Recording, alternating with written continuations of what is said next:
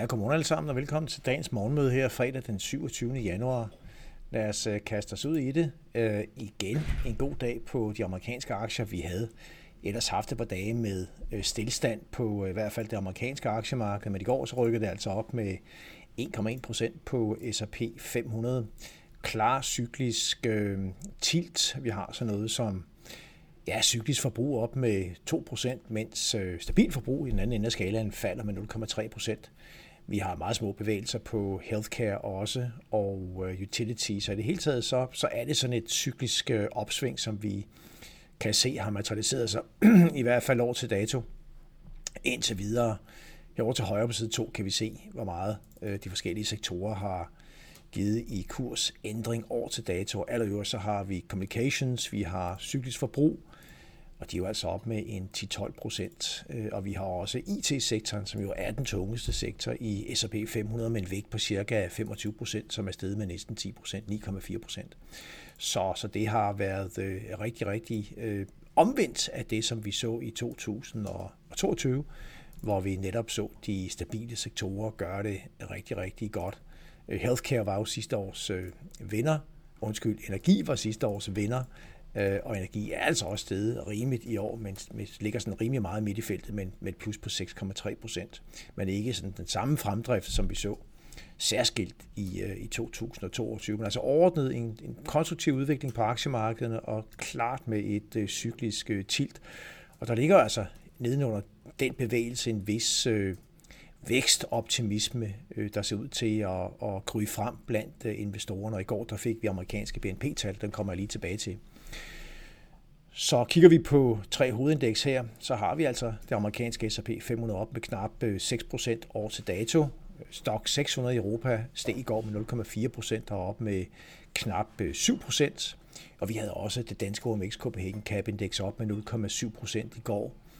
Men er jo altså øh, desværre kun steget med 0,4% indtil videre, i hvert fald år til dato, så det danske aktiemarked har, har slet ikke kunne følge med her i år. Øhm, og vi kan se, hvordan nogle af de store øh, aktier jo ikke rigtig har flyttet sig øh, over til dato, så noget som Novo og Vestas og en række andre selskaber ligger relativt fladt over til dato. Så vi mangler at få momentum herhjemme, men øh, må ikke, at vi kommer til at følge de her store markeder. Det har i hvert fald været forløbet igennem en lang årrække, så får vi se timingen i det. Og netop de amerikanske BNP-tal i går var med til at, at føde optimisme blandt aktieinvestorerne. Vi så, hvordan væksten i fjerde kvartal i USA, BNP-væksten, vel at mærke justeret for inflation, det er jo en reel økonomisk vækst, vi ser på, steg med 2,9 procent. Det var lidt mere end øh, forventet. Og når vi siger 2,9 procent, så er det altså den amerikanske måde at opgøre tallene på. Man tager simpelthen kvartalsvæksten, og så analyserer man de her tal, så man får sådan en årlig kadence. Næsten 3% årlig vækst i fjerde kvartal, lidt lavere end vi så i, i tredje kvartal. Men det er jo en rigtig pæn fremgang, som vi har set i den amerikanske økonomi i andet halvår. Efter at første halvår vel at mærke skuffede, hvor vi rent faktisk så to kvartaler med moderat øh, negativ vækst. Så det har nok været det omvendte mønster af det, som mange havde regnet med. Vi har ikke rigtig set, at øh, den højere inflation og de højere renter gennem 2022 har ramt øh, væksten i hvert fald endnu.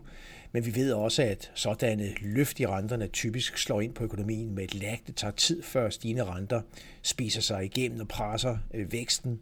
Og det er jo altså en af grundene til, at forventningerne med hensyn til væksten i 23 ligger så moderat, som, som vi ser på det i øjeblikket. De seneste konsensusforventninger til fremgangen i den amerikanske økonomi i 2023 ligger på 0,5 procent, er jo faktisk opjusteret lidt i bare de seneste par uger.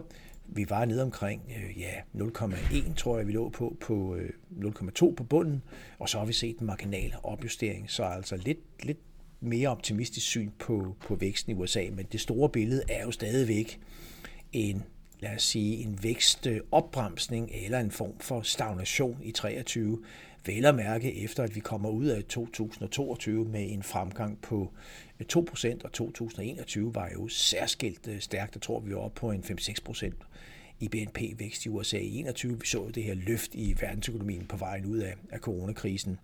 Så vækst, stillstand, stagnation, øh, kald det hvad man vil, i, i 23, men det er jo altså også et noget mere positivt billede end det, som Øh, vi ellers har talt rigtig meget om, og markedet har været rigtig meget fokuseret på, nemlig risikoen for en større økonomisk nedgang, en egentlig mærkbar recession. Og den risiko ser ud til at være aftagende, blandt andet i kraft af de klart faldende energipriser, vi har været vidne til, støtter særskilt øh, Europa, men det er også godt for den amerikanske forbruger, og vi ser også, hvordan Kina begynder at bevæge sig frem i den rigtige retning.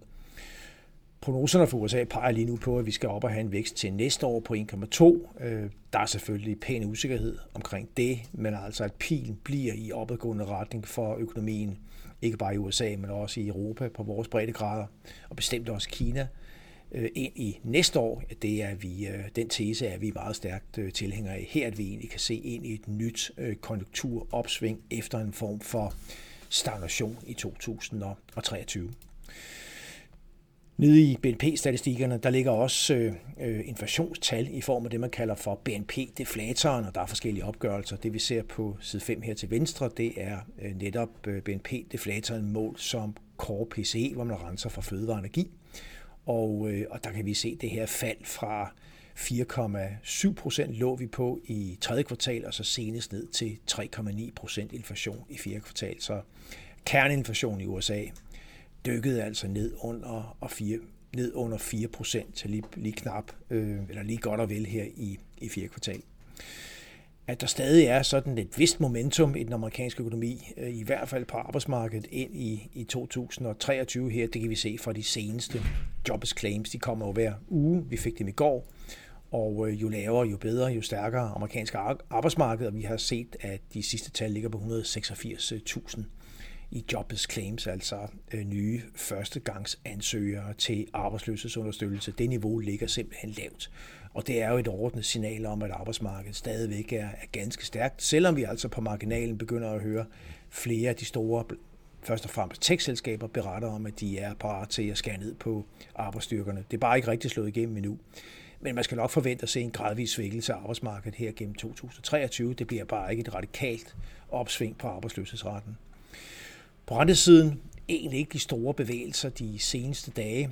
Øh, vi så et lille løft på de 10-årige tyske og amerikanske renter i går, og vi ligger på lige omkring 3,5 i USA og 2,22 procent senest i, i Tyskland, og det er sådan en 13, 14, 15 basispunkter højere end den bund, som vi satte her for, for godt en uge siden.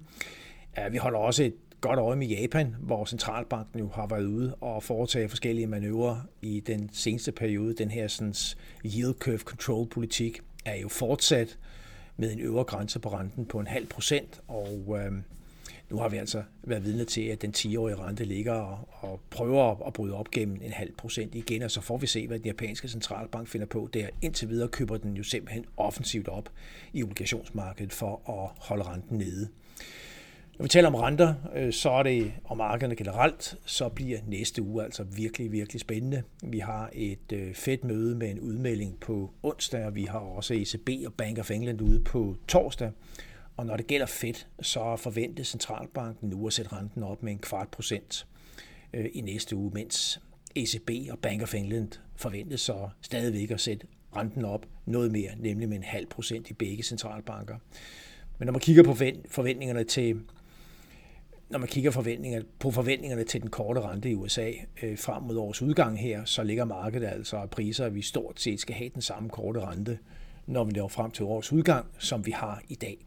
4,45 procent af det, som øh, Fed Funds eller overnight-renten ligger og handler med for fald ultimo 2023, og vi har jo et, en Fed Funds korridor i øjeblikket på 4,25 til, til 4,5 så vi skal lidt op på den korte rente i USA, tror markedet på, og så skal vi altså ned igen mod slutningen af 23, således at renten stort set ligger der, hvor den gør på, på nuværende tidspunkt. Og så skal vi så pænt ned i 24, og det er bestemt et billede, som vi hælder til.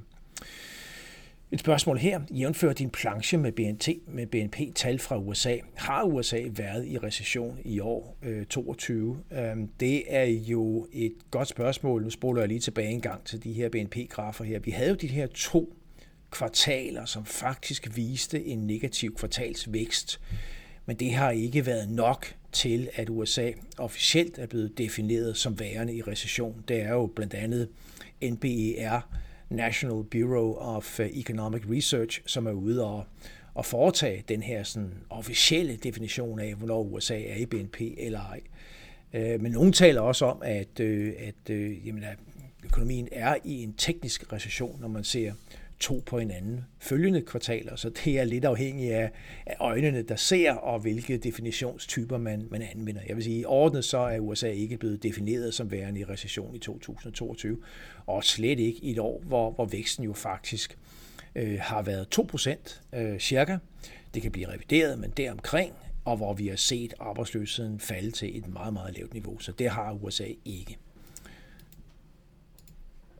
Over til ja, som sagt, topbegivenheder i næste uge, som vi ser ind i. Det bliver altså virkelig spændende, fordi vi får ikke mindst på datasiden det er altid vigtige ISM Manufacturing Index. Det kommer her på onsdag, og indekset for servicesektoren kommer på, øh, på fredag.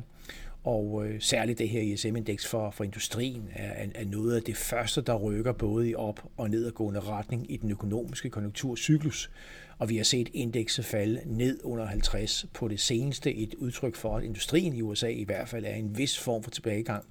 Men vi begynder at se nogle leading indicators pege opad. Vi har blandt andet på den europæiske front set sådan noget som IFO Expectations, øh, Øh, det tyske survey stige ganske, ganske pænt. Vi kan også se en vis vending i forskellige forbrugertillidsindeks, og vi har ikke mindst set de allerseneste PMI-indeks, også for USA, tække en lille smule opad.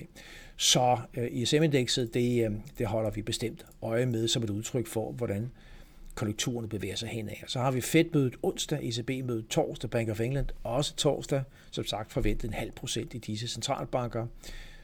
Og så slutter vi altså ugen af med non-farm payrolls på, på fredag, den amerikanske arbejdsmarkedsrapport, apropos det her med et stærkt arbejdsmarked. Det vi har set i en periode, det er, at beskæftigelsen den stiger i USA, men den stiger mindre og mindre, og det er også det, billede, der forventes at manifestere sig, når vi får jobrapporten her på fredag. Så det bliver en rigtig, rigtig spændende uge for de finansielle markeder. Og med det, så tager vi lige og ser på til sidst markerne her fra morgenstunden. Vi ligger lidt lavere på de amerikanske S&P 500 futures, 0,35 procent er vi nede.